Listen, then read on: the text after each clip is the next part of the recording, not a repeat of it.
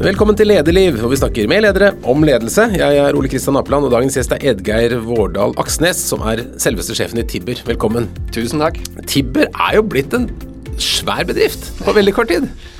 Ja, svær. Vi, vi, har i hvert fall kommet langt forbi det, det vi planla opprinnelig. Husker da vi starta, så det var i 2016. Og da, vi, da la vi en plan uh, for på en måte tre år fram, uh, og, og den, den, var vi kommet gjennom etter ett og et halvt år. Så etter det så, så var vi egentlig ute i, langt ute i ukjent territorium, og der har vi vært siden den tid. Dere kaller dere et uh, uvanlig strømselskap. Hva er uvanlig med Tibber?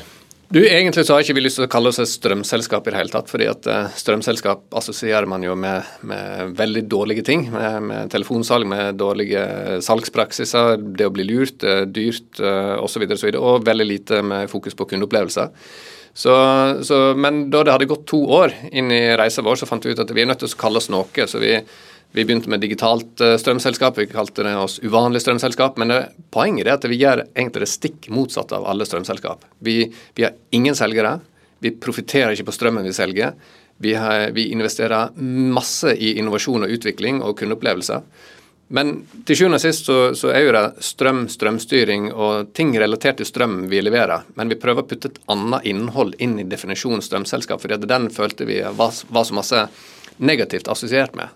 Men man blir litt sånn mistenksom når man hører at det profitterer ikke på strømmen, for de må jo mm. tjene penger? Det gjør vi jo. Eh, vi profitterer jo på, på, flere ulike ting. Blant annet så har vi et abonnement. altså Poenget er at per kilowattime så profitterer vi null og nada. Så det vi kjøper inn strømmen for, det selger vi videre med, med null i fortjeneste sjøl. Men så eh, vi, vi, lever, vi, lever jo på abonnementet vårt, 39 kroner i måneden, og så selger vi veldig mye teknologi for at du skal kunne styre strøm smartere. Og mm. det er det vi lever av. Sånn at um, det vi, det vi oppdaga da vi starta selskapet i 2016, det var at hele bransjen, hele, og da tenker jeg ikke bare på Norge, men i hele bransjen i, i verden, så driver strømselskapet alle mulige deler driver og prøver å skvise ut maksimalt margin per kilowattime man selger. Og Det gjør at salgspraksiser blir dårlige, etikken blir dårlig, alt mulig blir dårlig som et resultat av det. Så det, da vi starta selskapet, så fant vi ut at det, det første vi skal definere, er hva vi ikke skal profitere på. Så vi sa at vi skal aldri i selskapet sin historie profitere på kilowattimene vi leverer. Og det har vi holdt oss til. Så det er ikke en, det en marketing-gimmick, det er rett og slett en businessfilosofi og en businessmodell mm. bak hele selskapet. Mm, er det, er det offentlig, offentlig, hvor mange som nå betaler 39 kroner måneden for å få strøm hos dere? Eh, nei, vi, gått, vi, går ikke ut kontinuerlig med tallene, men vi gikk jo ut uh, før, uh, før, jul med at vi hadde passert 400 000 kunder.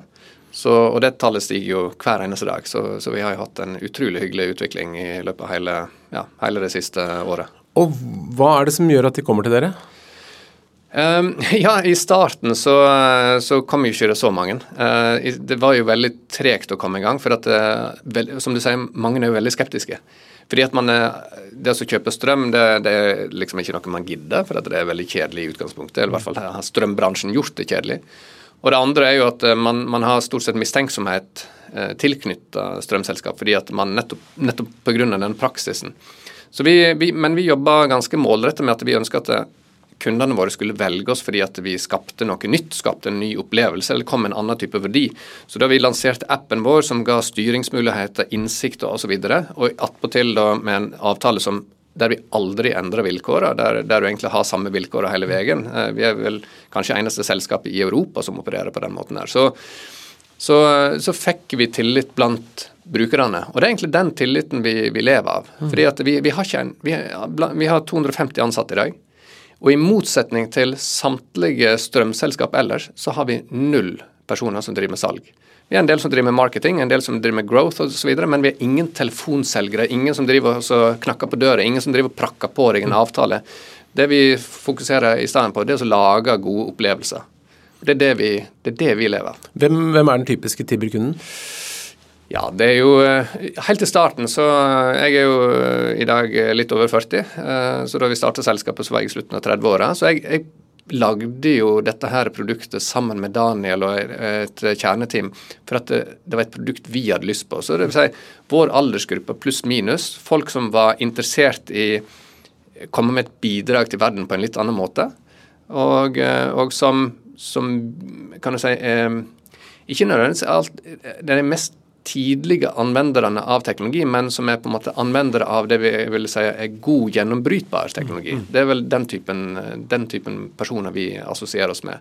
Og Det har jo vært en stor gruppe, men så har jo dette spredd seg til masse andre segment òg etter hvert. fordi eh, etter hvert som vi vokser, så, så, eh, går vi mer og mer inn i, i det som sikkert mange vil kalle som mainstream-markedet òg. Men, eh, men, det er jo på en måte fremdeles kjerna. Det er på en måte den typen ja, mm. den typen eh, gruppe som jeg beskrev her i stad. Men dere er ikke først. altså Vi har jo sett dette før, sånn strøm til innkjøpspris med tillegg, hvor mm. vi har sett apper og sånn først. Hva, hva er det som skiller dere fra de andre? Ja, Det, det er jo helt rett. altså Det finnes apper, det, finnes, eh, det fantes ting til innkjøpspris osv. Men det som var såkalt strøm til innkjøpspris, var jo ikke til innkjøpspris. Det var jo med masse marginpåslag mm. der. Og så drev jo de selskapene som solgte slike ting, de prøvde å få deg inn på den type avtale, og så vippa de deg over på andre avtaler etter hvert, slik at du betalte dyrere og dyrere etter mm. hvert. Det var jo hele modellen der. Så det var én sak. Så vi har på en måte holdt oss 100 med 100 integritet på det hele, hele veien. Og Det tror jeg er litt av det tøffe med å drive den type For du skal ha, på en måte, ikke la deg falle for fristelsen i slike ting år etter år, dag etter dag.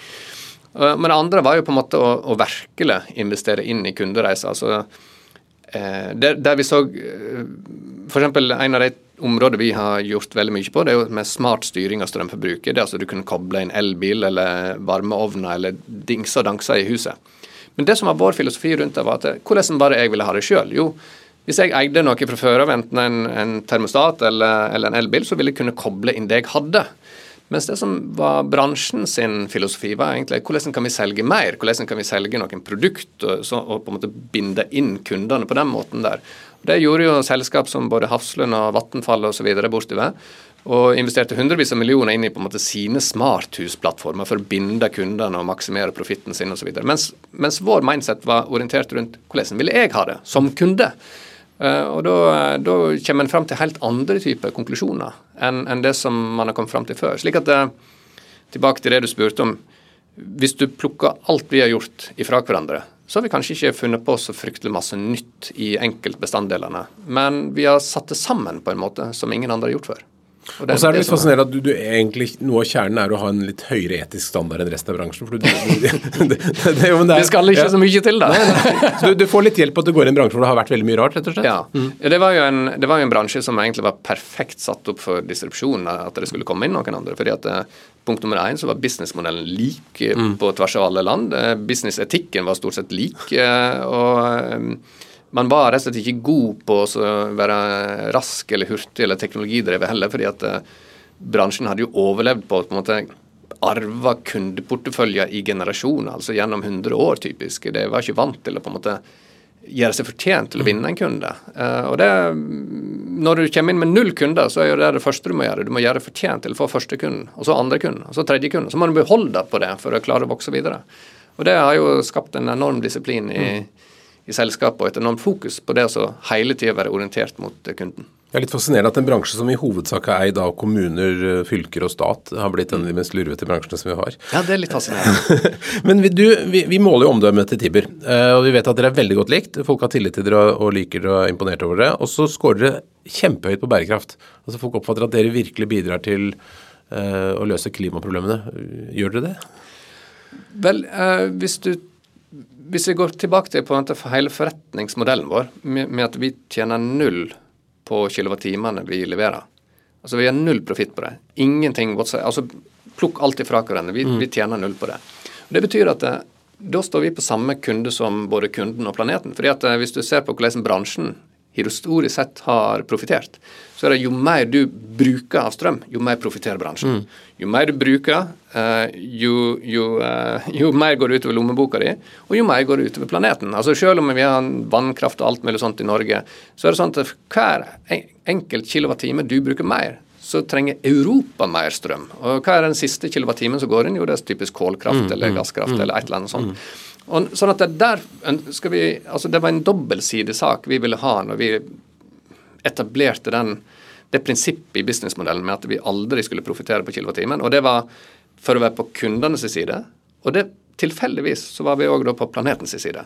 Slik at alle aktiviteter vi gjør rundt dette her, da, må jo passe på at det støtter opp under det samme, slik at alt vi investerer inn i, skal da tjene kunden sin fordel for å spare strøm. Og så lenge vi gjør noe for at du sparer strøm, så tjener vi òg for planeten sitt, eh, sitt, beste. Men jeg tror i all kommunikasjon vi gjør, så er det ekstremt sjelden vi bruker ordet bærekraft. For mm. Det syns vi er blitt forsøpla omtrent. Det er så overoppbrukt. slik at vi vi er jo teknologioptimister. Vi ønsker oss å levere teknologien, de ulike løsningene som gjør at du kan gjøre bedre valg. Du kan utnytte verktøy. Du får verktøy for å nettopp gjøre huset ditt smartere. Og jeg tror nok at det er det kundene, eller jeg håper at det er det kundene gjenkjenner når de sier at vi scorer høyt på bærekraft, at vi prøver å komme med løsningene som, som gjør at det at vi bare, ikke bare sitter og prater om problemer, men, men kommer med helt konkrete løsninger som kan gi helt konkrete resultat. Kanskje ikke de det du gjør til dagen er det som redder verden, men kanskje hvis vi klarer oss å forbedre ting 1 hver eneste dag eller hver uke, så klarer vi å komme oss dit. Og det er det vi tror på. Sløser nordmenn mye med strøm? Veldig. Helt ekstremt. Hva, hva burde alle gjøre? Nei, men uh, Bare for å underbygge det uh, standpunktet. Hvis vi sammenligner en nordmann som bor i enebolig, med en svenske som bor i enebolig, lik klimasone, lik størrelse, lik setup ellers, så bruker nordmannen 60% mer. Wow. Og det vi bruker mer på, det er vanligvis oppvarming. Det er på en måte den usynlige strømmen, det, det usynlige forbruket, som, som, um, som, trekker opp. Sånn at hvis, du kan si at det, hvis nordmenn hadde brukt like mye strøm, eller like lite strøm som svenskene, så hadde ikke vi sett de strømprisene vi så i vinter. Mm. Vi hadde ikke sett den strømkrisa vi er inne i akkurat nå, i hvert fall ikke i Norge. Um, og, um, og, det er jo litt sånn til ettertenksomhet. Og hva har svenskene gjort annerledes? Jo, de har veldig stor utbygd grad av vannbåren varme, varmepump osv. Der vi nordmenn bruker varmekabler og panelovner osv. Og, og grunnen til at vi har brukt varmekabler og panelovner, er jo at vi historisk sett har hatt ekstremt lave strømpriser. Mm. Sånn at når når de nå først blir høye, så begynner vi å tenke etter og kan investere osv. Men hadde vi allerede gjort det, så hadde vi ikke opplevd de, de problemene vi ser i dag. Så selv om folk da klager mye på strømpriser, så tenker du at det kan være noe bra i det? Jeg tror jeg skal Med tanke på omstilling? Med tanke på omstilling så rent objektivt. Men det er jo ikke bra at det er så høyt, for det betyr at vi har jo feila på veldig mange områder totalt sett i samfunnet. Så det, dette er jo ikke bra. Uh, og årsaken til, til uh, veldig mye av, av prisene er jo pga. krigen i Ukraina, så dette er jo ikke bra på noen selvsagt måte. Men, men, men jeg tenker at det, i måten vi kan løse det på, så er ikke det bare å la politikere prøve å komme med noen reguleringer her og der. Det de burde gjøre nå, det er å kjenne sin besøkelsestid og faktisk kunne anvende dette til å løse noen av de store problemene. Og ikke bare fjase rundt med politikk, sånn som de ellers mm. gjør, for å prøve å hakke hverandre i hodet med, med, med, dårlige argument. Men faktisk nå kunne, kunne fått eh, en akselerasjon i ja, både, både solceller energiøkonomisering. Um, gå vekk fra panelovner og, og, og, um, og, varmekabler i den graden altså Jeg sier ikke at alt er ondskap, men i den graden vi bruker det i dag, og få, få en helt annen type setup i Norge. Det hadde vi trengt. Mm. Um, dere har jo fått Dere gjorde det veldig bra i Norsk kundebarometer nettopp. Førsteplass innen strøm, tredjeplass totalt på tvers av alle bransjer. Det er helt sinnssykt bra. Eh, du sier at det har fordi at dere har laget en bra kundereise digitalt, men det må jo være noe personlig kontakt inni dette også, eller? Ja, vi har personlig kontakt inni, ja. inni det hele. Uh, alt det foregår stort sett på chat. Mm. Uh, vi har uh, Eller e-post. Sånn at vi helt ifra første dag så ønsker vi å være veldig tette på kundene. Så jeg, jeg tror um, hvis du var blant de første 15 eller 20 000 kundene, så var det nok jeg som i stor grad mm. Eh, svarer veldig mange av kundene. Og, og det var jo det var òg en ekstremt sterk kilde til kunnskap om hva er det kundene egentlig liker. Altså Veldig mange ser på kundeservice som en uh, kostnad, uh, ja, ko masse kostnader, mm. hassle osv. Men der har vi egentlig hatt en motsatt uh, filosofi. At det å ha den kundekontakten, det betyr at hvis det er noen som tar kontakt med oss, så er det et eller annet som ikke er klart. Så det er punkt nummer én. Mm. Punkt nummer to er at hvis noen har problem, så er det et eller annet som, som ligger med, med brukken rygg. Sånn at det, vi prøver å ha, bruke det som egentlig innsikt i hvordan vi kan gjøre alt sammen bedre. Og hele tida deploye masse, masse endringer. Vi har jo det er interessant, for jeg tror mange ser bare på kunden som dum, som spør så fælt. ja, da er det de som er dumme. Mm. Ja. Så dere lærer mye av det? Vi lærer ekstremt mye av det, og vi hadde ikke vært der vi er i dag hvis vi ikke hadde på en måte deploya ting fort og så fått masse masse tilbakemeldinger. Mm. Av og til så gjør vi dårlige ting, og da justerer vi det fort. Men vi hadde ikke klart å justere det på rett måte uten den feedbacken vi får. Mm. Fordi at får vi, får vi ti spørsmål en dag om et tema, ja ok, da er da er det et mønster her. Uh, får vi 100, så er det et eller annet som er alvorlig galt. Får vi 1000, så ligger, ligger noe nede. Altså, det er på en måte skalaen omtrent i, i, dag. Og det er jo det hjelper oss å sortere i hvor er det vi skal sette inn trykket. Mm.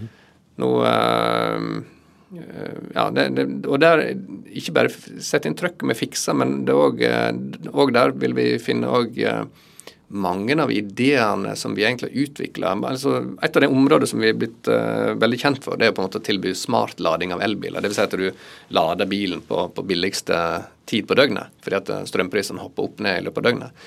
Og Det var jo en idé som kom fra kundene våre.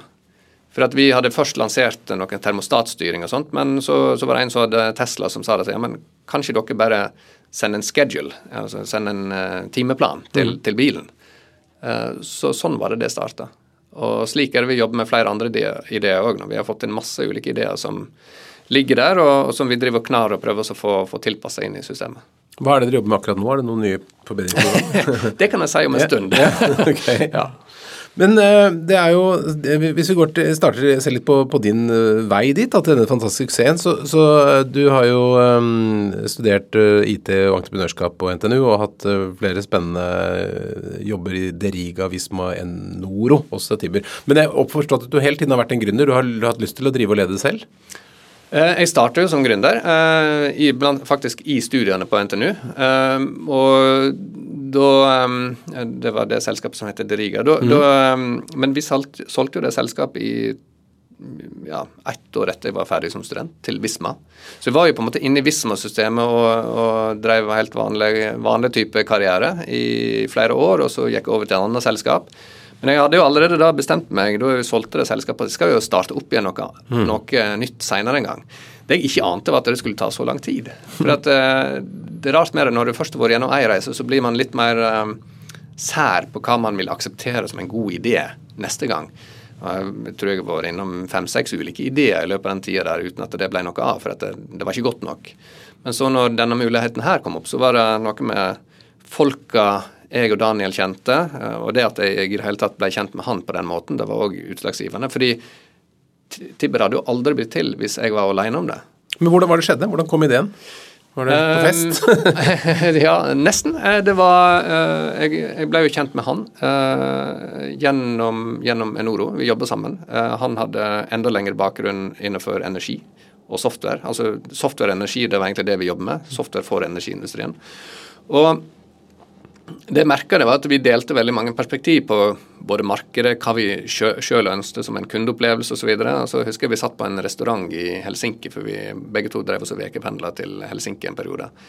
Så, så, vi satt der og begynte å diskutere dette, her, og så, så stilte vi oss spørsmålet ja, men det jeg vil ha som kunde, som forbruker, eh, hvem er det som skal levere det til meg?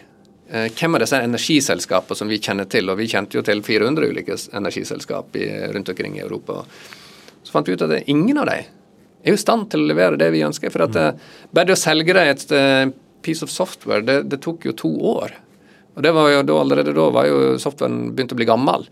Så, så det leder oss jo etter hvert inn på sporet. Ja, ok, hvis det er ingen som gjør dette greiene her, da får, da får vi gjøre det, da. Mm. Men vi kan ikke gjøre det i det selskapet vi er der i dag, for da begynner vi å konkurrere med kundene våre, så vi måtte bryte ut av selskapet. Så det, det, der havna det. Og etter den, den samtalen her, så tok det nok to eller tre måneder før vi faktisk bestemte oss. Da var det Da var det Jeg husker vi hadde diskutert det fram og tilbake, men, men til slutt så, så, konkluderte vi med at skal vi sitte og prate om dette her uh, i lang tid nå? Uh, eller, skal vi, eller, skal vi, sitte og prate om dette her på gamleheimen og tenkte at det, faderen at vi ikke gjorde det her? Eller skal vi høre? Og morgenen etterpå så sa vi opp jobbene begge to. Tror du det er mange som sitter og prater og aldri får ut fingeren? Ja, det tror jeg. Og jeg tror det er mange som sitter i samme situasjon der jeg tenker at det, er det mulig å kombinere det og så starte opp et selskap og samtidig jobbe der en er? Og I noen tilfeller så er det sikkert mulig med det siste, men i de aller fleste tilfeller tror jeg at det blir, du får det verste av to verdener, ikke, ikke, det beste av to verdener. Sånn at jeg, eh, jeg tror det er mange som sitter i, i det dilemmaet der og veger fram og tilbake. Og sitter du og har veldig god og stabil inntekt, mm. og så skal du si opp jobben, og så har du null. Det er jo, det er jo ganske skremmende. Møtte men, du noe eh, motstand, du? Mm? Møtte du noe motstand fra noen? Ja, vi møtte jo motstand, men den største motstanden var jo eh, kanskje mest eh, inni oss. fordi at den opprinnelige businessideen vi hadde, den fant vi ut 14 dager etter at vi hadde sagt opp jobben, at det, den flyr ikke. Den opprinnelige tanken, de opprinnelige planene, så vi, satte vi oss ned og begynte å tenke på det, så fant vi ut at det, dette er ikke moden før om fem til ti år. Dette, dette kan umulig skalere nå. Og da fikk vi lett panikk, for at da satt vi i oppsigelsestid. Lurte på skal vi gå tilbake, krype tilbake til, til, til der vi kom ifra, eller skal vi, skal vi, faktisk gjennomføre det her. Men da satte vi oss ned, brukte den karantenetida vi satt i da, og begynte å analysere, jobbe, analysere. Da hadde vi jo to-tre måneder på oss der vi egentlig ikke kunne jobbe eller noe som helst, men bare kunne sitte og tenke. Mm. Og så klarte vi å knekke, knekke koden på det som i dag er blitt Tibber. Hva var det dere startet med? Hva måtte dere ha på plass for å sette i gang virksomheten?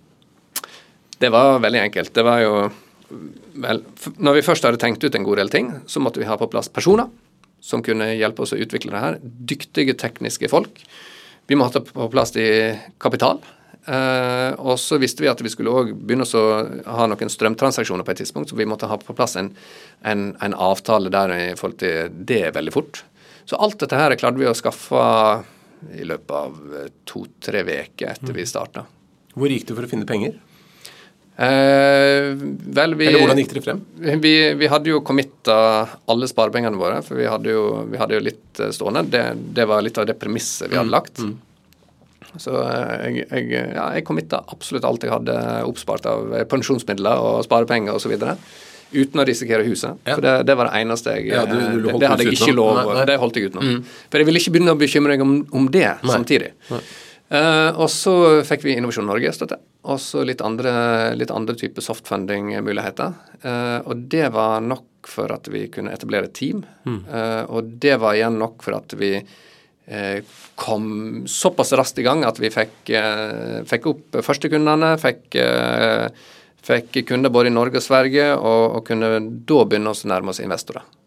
Så det var det sånn var det vi hadde lagt opp. Og nå har du fått på plass nå har du flere store eksterne eiere. Hva, hva, hva slags eier er det du, hva er det du går etter når du skal finne, finne eiere? Finne penger? Akkurat der har vi, eh, har vi, hatt en sånn plan hele veien at de, um, de investorene vi får inn, de, ikke bare skal de ta med, ta med inn uh, kapital, men de skal ha med seg et nettverk og en kompetanse som gjør at vi er beredt for neste runde. Og det har vi satt som et uh, veldig viktig krav hver eneste runde.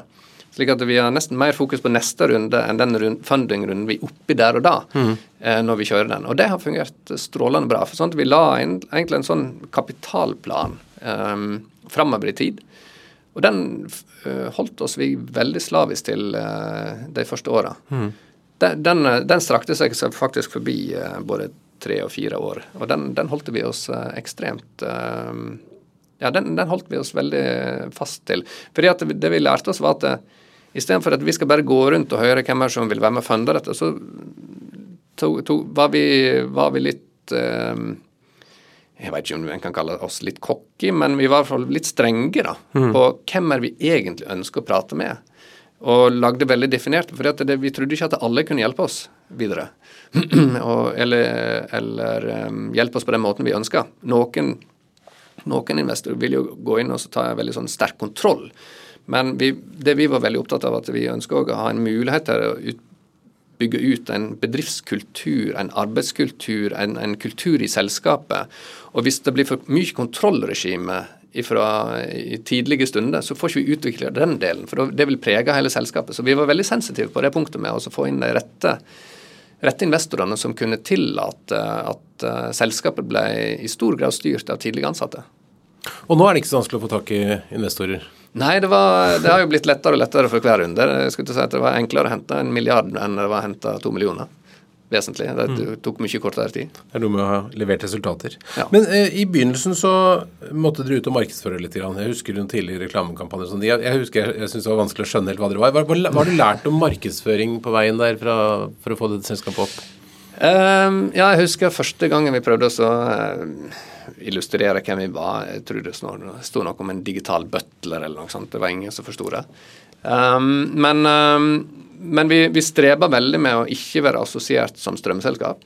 Uh, tilbake til det der. Men så til slutt så måtte vi akseptere å bruke det. Slik at det, uh, det som komme ut med et budskap for På den ene, måte, ene sida så skal det være enkelt nok for alle å kunne skjønne det. Og klare å ha noen knagger å henge det på. På den andre sida så ønsker man jo ikke bli oppfatta som alt mulig annet. Hvis en skal gå inn og disrupte noe, så må en jo framstille som at en kommer med noe nytt. Mm. og kommer med Enten noe en ny ny mindset eller nytt design eller ny filosofi eller nytt produkt eller nye values eller hva det måtte være. Men, men hvordan balansere de to sidene, det, det, opplevde jeg som eh, en veldig veldig stor utfordring. Og så etter hvert så fikk vi jo, fikk vi jo til en, en, god del av det. Men jeg, jeg, må innrømme at jeg er fremdeles ikke fornøyd med det den dag i dag. Jeg føler fremdeles at vi har dobbelt så stor oppside som det vi har klart å få ut. Det er godt å ha noe å pusle med, da. Men, men, eh, når du da skulle bygge et uh, team, hva, hva, det, hva, slags mennesker har du lett etter, og hvordan har du ønsket å være som leder for disse menneskene? Um, det vi har lett etter, har jo vært um, ja, Hvis en ignorerer litt kompetanseområdet og den type ting. Men vi har jo veldig tidlig så leter vi etter folk som ville noe. Folk som hadde lidenskap for noe, som for at jeg tror veldig mye på dette. Går du inn i en jobb med lidenskap, så får du ut så enormt mye mer. Eh, folk, som, folk som ville noe mer og utfordra utfordre på ulike måter. Det, det kan være utfordre på en konservativ måte eller på en radikal måte, men, begge, begge, men du allikevel mindset med å utfordre. Og så etter hvert måtte, så vi at vi måtte begynne å fylle opp med, med andre komplementære eh, egenskaper. Sånn at vi har eh, eh prøvd på en måte å bygge teamet ut ifra hva slags kultur vi ønsker i selskapet. Det, sånn at I stedet for at vi sier at bare kulturen blir skapt av, av hvem vi tilsetter, så, vi også, så, så er jo det motsatte òg. At, at, vi kan òg ansette basert på hva slags type kultur vi ønsker oss å bygge. Så det, det har vært veldig viktig for oss. Um, kan du beskrive den kulturen du vil ha? Jo, men det, det er nettopp den der med at vi, vi, er, vi er på, vi utfordrer, vi prøver, at, vi prøver å være Eh, det, det, det, finnes noen sjefer i selskapet, og det er ikke tittelen, det, det, er ikke gründeren, men det er rett og slett hva er fakta, hva er analysen, hva er det, hva er det kunden skal få for noe. Det er noen helt sånn basisting. Det vi, kanskje det vi var vært vel så mye opptatt av, er hva vi ikke ønsker oss inn i kulturen. Altså, Vi ønsker ikke oss byråkrati, vi ønsker ikke lange beslutningsprosesser. Vi ønsker ikke denne her eh, politikontrolltypen eh, holdning. Vi ønsker, jeg husker ene selskapet som jeg jobba, så skulle jeg ha med en ny PC, så den måtte gjennom fire-fem ulike nivåer med direktører for sign-off. Det var jo helt horribelt. Altså Den typen ting. Mm. Så, så, det er veldig mange ulike ting vi, vi, ville ha, men det var vel så viktig å definere hva vi ikke ønsker oss i selskapet. Og det har vi òg vært sensitive på da, i forbindelse med hvem vi ansetter. Og så spurte du om hvordan, hvordan, du ønsker å være som leder for disse ja, gode menneskene? Jo, uh, mest mulig meg sjøl. Mm. Uh, og det er, jo, uh, det er jo litt fascinerende, for i det, jeg ble leder for første gang, så, så, var jeg veldig opptatt av hvem jeg egentlig ønsker å være. Så etter hvert som hvert år har gått, så har jeg følt at det har blitt mindre betydningsfullt, og mer betydningsfullt å på en måte skulle du si, være mer og mer seg sjøl oppi mm. det hele. Um, så er ikke det alle ting en trenger å være seg sjøl på hele tida, selvfølgelig. Men, men um, jeg tror eh, sånn i slutten av 20-åra, starten av 30-åra, så, så, var i hvert fall jeg personlig veldig prega av hva er liksom idealet, hva er det som det står skrevet i bøkene at mm. den skal være. Veldig prega av de tingene. Og da blir en òg eh, veldig prega av hvordan en ting egentlig skal være. Men det er jo ingenting som egentlig skal være. En, en, en er jo bare menneske til sjuende og sist uansett. Har du noen så, eksempler på ting som ikke fungerte så bra? Ja Jo, men, men bare det å tenke um, Du kan jo ta en del sånne best practices i forhold til softwareutvikling eller, eller ledelsesutvikling, og skal du implementere det, så fungerer ikke det samme på én gruppe som på en annen gruppe. Altså det må rett og slett respektere det at det, det, er ulike folk, ulike kulturer, ulike verdier, ulike ting en skal oppnå. Og heller gjøre det mer basert på si, en, en mye mer læringsbasert måte. Mm. Både for seg sjøl og for, for de, som, eh, de, som, skal være med i, i, teamet og utvikle dette. Og heller bygge opp en læringsbasert kultur, istedenfor å tenke at en klarer å definere alle disse her tingene sjøl. Uh, eh, og per nå så jo jeg, leder jeg jo flere folk enn noen gang har gjort i, tidligere i, i jobber i, i, karriere. Maks, maks, tidligere så leder jeg kanskje 120 stykker. Mm. Nå er vi 250 pluss, og vi har en annen type setup osv. Jeg har liksom ikke jeg har, jeg har, liksom ikke noen, eh, noen erfaring og bakgrunn som skulle tilsi at jeg skal kunne gjøre den jobben jeg gjør akkurat nå. Og det er egentlig det mindsettet må gå inn med òg. At ok, men da må jeg lære det underveis. Jeg må snakke med folk som har gjort det. Jeg må, jeg må lære meg dette her gjennom bloggposter, bøker osv. Sørge for at jeg får inn de, de perspektivene. Og så må jeg òg bygge ut slik at teamet er veldig mye bedre enn meg på veldig mange ulike områder. Opplever du at det er veldig annerledes å lede 250 enn å lede 10? Ja, du må jo lede gjennom andre på en annen måte. Altså, Leder du ti stykker, så, så, kan du lede deg mye mer direkte. Eh, leder du 250, så må du lede gjennom andre, og så skalerer jo dette bare, bare videre. Sånn at Det er en, det er en annen måte å jobbe på, en annen måte å kommunisere på. Eh, og Der du f.eks. snakker du bare til ti stykker, så kan du snakke ganske direkte og ganske ofte med dem. Er det 250 stykker, så snakker ikke du med alle 250 hele tida. Sånn at det er jo en del sånne ting en må bygge opp ulike metoder og ritual for. og vi har jo, Et av ritualene vi har i selskapet, er jo at hver eneste fredag så har vi en såkalt weekly standup, 15 minutter. Mm. der det, jeg, er, jeg, er, på en måte TV-verten for det. Eh, snakker i noen få minutter, så er det andre som har ordet, der vi går gjennom bare det siste lille nye og status i selskap osv. Dette er hver eneste fredag. Det er på, på video. Vi er jo veldig desentralisert team. Men det er bare å sørge for at eh, vi har en rød tråd hele tida i det vi holder på med. Så det er en av de mm. ritualene vi har. Mm. Dere er jo mange steder, som du sier, men hjertet deres er jo Førde. Mm. Eh, hva, hva, gjør det med selskapet at det er et Førde-selskap og ikke et Oslo-selskap?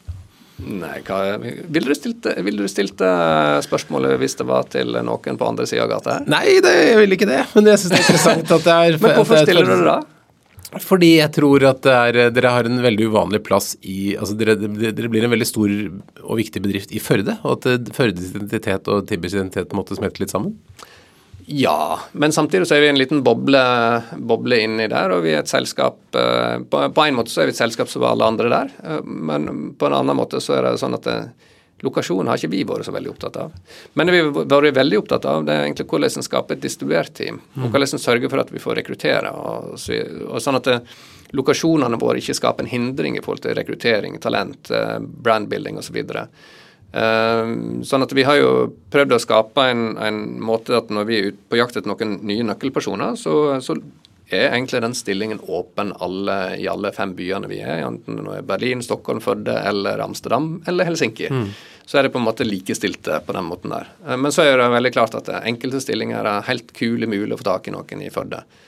Men tilfeldigvis for en god del av de stillingene så er det òg kule mulig å få tak i noen i Oslo. Mm. Fordi den kompetansen har ikke eksistert tradisjonelt sett i Oslo. Det finnes ikke veldig mange internasjonale konsumentmerkevarer med basis fra Norge. Nei, det er veldig få. Veldig få. Så derfor har vi på en måte prøvd å vi, vi, har ikke vært så veldig opptatt av det spørsmålet der, så, så derfor stiller jeg det mm. vel så mye åpent tilbake. Altså, det viktigste spørsmålet er hvordan er vi lære? Hvordan er vi får inn de rette personene? Men tenker du at de du skal vokse med videre, skal ha en tilknytning til et av disse kontorene, eller kan de sitte hvor som helst og være på med digitalt? Vi ønsker, vi ønsker at de har tilknytning til en av hubene våre. Ja, Så du tror på noe fysisk? Ja, det er rett og slett fordi jeg har tro på det at uh, kulturbygging ikke bare kan skje over video. Mm. Jeg tror det har utrolig mye å si at vi sitter sånn som vi gjør nå, i mm. samme rom, der du ser faktisk uh, kroppsspråket mitt. Mm. fordi at uh, i kommunikasjon så er jo uh, ja, ordene vi sier og, og lydene vi bruker, det er jo en del av det. Men så er jo det resten av på en måte energibruken, kroppsspråket osv. Og, og den endrer seg jo i ulike typer stillinger, eh, eller ulike typer settinger. for mm. sitter, du, sitter, du, på video, så, så, blir det veldig transaksjonelt. Og det er jo bra, for at det blir effektivt. Men, men eh, er du en Setter du deg bort i stolen her og lener oss tilbake, så har vi en helt annen type kroppsspråk, og vi, plutselig begynner vi å prate på en annen måte òg. Og det er, jeg, det er jeg ganske sensitiv til. Mm. Hvor, skal, hvor, hvor, hvor, store er Tiber utenlands nå? Hvor, skal, hvor store skal dere bli? Eh, hvis du ser på antallet ansatte, så er de fleste utenfor Norge. Mm. Så av, av, de 250 ansatte, så er vi ca. 60 i Norge. Eh, ja, in, ja ca. Mm. 60 i Norge. Så, så, det er på en måte relasjonen i dag. Eh, og sånn som planen vår er nå, er at vi skal gå fra å dekke fire land til å dekke ti i løpet av eh, de neste to og et halvt åra. Så vi har veldig mye å henge fingrene i. Og om to og et halvt år så er dere ennå ikke ti år gamle. Det er ganske fascinerende. Ja. ja. Så det, vi, har ikke, vi, har ikke, vi har ikke kvantifisert eh, andre ting enn at vi skal, vi skal dekke minst 10 millioner kunder mm. ved utgangen av 2025. Og så er det veldig mange ulike måter vi kan reise Du kan se nesten et sånn nettverk av forgreining og muligheter vi har bortover der.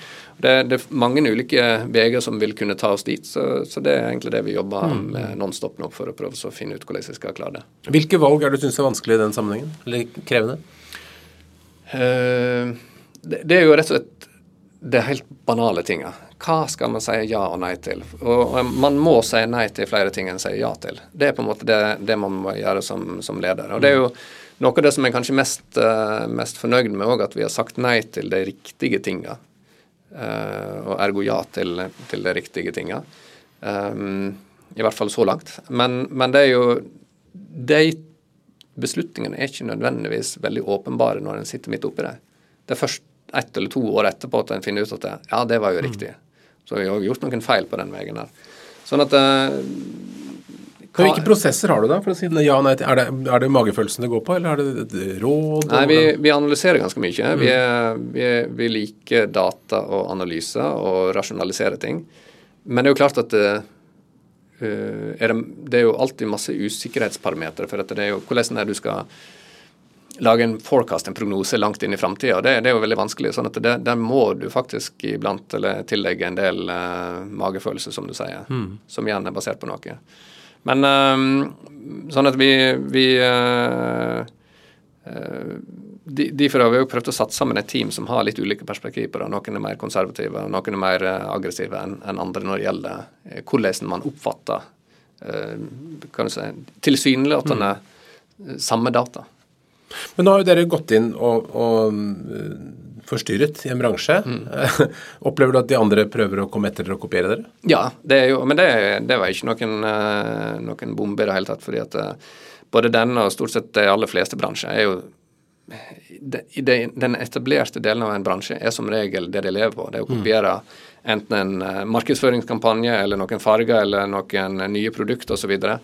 Og det er jo det, det, Sånn at det er jo ikke noe overraskende. Og så um, er jo det en par ting da som, uh, som er viktig. Det er å klare å holde på seg sjøl, mm. og ikke begynne å se på hva er det alle andre gjør. Mm. Det er da man taper momentum. Da, da klarer man ikke å holde oppe den samme innovasjons- og verditakten og hele pakka. Så du lar deg ikke påvirke for mye av omgivelsene? Ikke for mye, uh, men vi må jo følge med, uh, slik at vi, vi vet hvor stor avstand er på ulike ting, for å så gjøre det neste betsa. Men jeg er ganske sikker på at hvis vi ser det over de neste to åra, jeg er ganske sikker på at en del av konkurrentene vil, vil, vil bli veldig overraska over hva vi kommer til å gjøre. Det, og det er jo litt av det jeg òg liker med å, å overraske både deg, men det, det betyr òg at da overrasker vi kundene samtidig. Helt til slutt, Edgar, hvis det kommer en ung person til deg som har lyst til å bli leder, og kanskje en som skal bygge opp et gründerselskap, hva er de tre viktigste lederrådene du vil gi? Vær deg sjøl. Ikke prøv å være noen andre enn en, en den du er. Uh, og i det så ligger kanskje en, en overgang til nummer to òg, som er det at uh, Prøv å følge din egen vei. Eh, fordi at veldig ofte så prøver man å herme et eller mimikk eller, eller følge et eller annet slags ideal som, som, som er konstruert. Uh, men, men, men uh, der tror jeg at det å tenke sjøl oppi det, det tillater man seg altfor sjelden. Mm. Um, kommer på et tredje, da. det vet jeg ikke om jeg gjør på sparket. jo, finn minst én eller to sånne skikkelig gode sparringspartnere der en kan lufte alt og alt med. Jeg har min medgründer Daniel, som uh, setter vi oss ned Vi må På etternavnet hans, han har vært nevnt Ja, da, han heter Daniel Lindén. Ja, Daniel Lindén. Yes. Kred til han, absolutt. Uh, yes. men, men, men, ha en, minst en sånn i, en, i den business-konteksten man er i. Mm. For det, det, gjør at da, da kan du uh, den personen kan irritere deg, men òg motivere deg, Mm. og, men ikke minst være med å utvikle deg. Så en som du kan dele alt med. Ja. Ja, rett og slett. Gode råd. Tusen takk skal du ha for at du kom til Lederliv, Edgeir Vårdal Aksnes. Det var veldig kjekt. Takk for at du hører på Lederliv, som er en podkast fra Apeland. Redaksjonen består av Ingrid Hogneland, Lars Bolden, Lars Jarle Melum og Ole Kristian Apeland, som er meg. Vi er takknemlige for alle gode tips om ledere eller andre kommentarer og innspill. Kan sendes til meg, ole.apeland.no.